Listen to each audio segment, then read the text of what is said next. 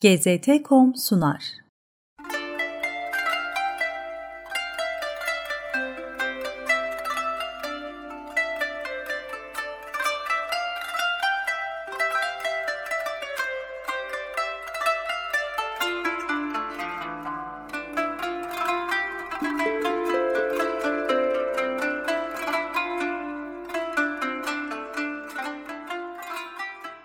Kubbetüs Sahra Emevi halifesi Abdülmelik bin Mervan tarafından inşa ettirilen bu kubbenin yapımı 692 yılında tamamlandı.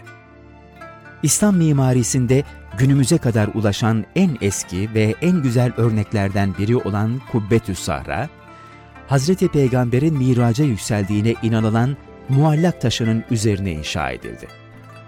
Kubbe, Mescid-i Aksa'nın tam ortasında, zeminden 4 metre daha yüksekte bulunuyor.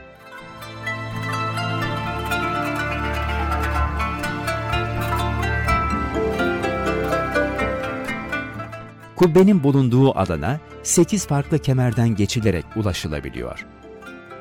Kemerlerin orta noktasına inşa edilen Kubbetü Sahra'nın üzerinde, kubbe ile sekizgen yapının arasında, üstünde İsra suresinden ayetlerin yazılı olduğu çinilerle süslenmiş bir boyunluk bulunuyor. Kubbetü Sahra içerisinde dört ayrı kapı var. Kubbe, muallak taşının üzerini örter şekilde yapılandırılmış. Abbasiler ve Fatımiler döneminde Kubbetü Sahra çok sayıda restorasyona uğradı. 1099 yılında Haçlılar Kudüs'ü işgal edince Kubbetü Sahra'yı kiliseye çevirdiler ve adını Templum Domini yani Rabbin mabedi şeklinde pardon. Yani Rabbin mabedi şeklinde değiştirdiler. Muallak taşının etrafına insanların ondan bir parça koparmak istemelerini önlemek amacıyla geniş bir duvar yaptılar. Haçlıların bu tahakkümü 1187 yılında Salahaddin Eyyubi'nin Kudüs'ü fethetmesine kadar devam etti.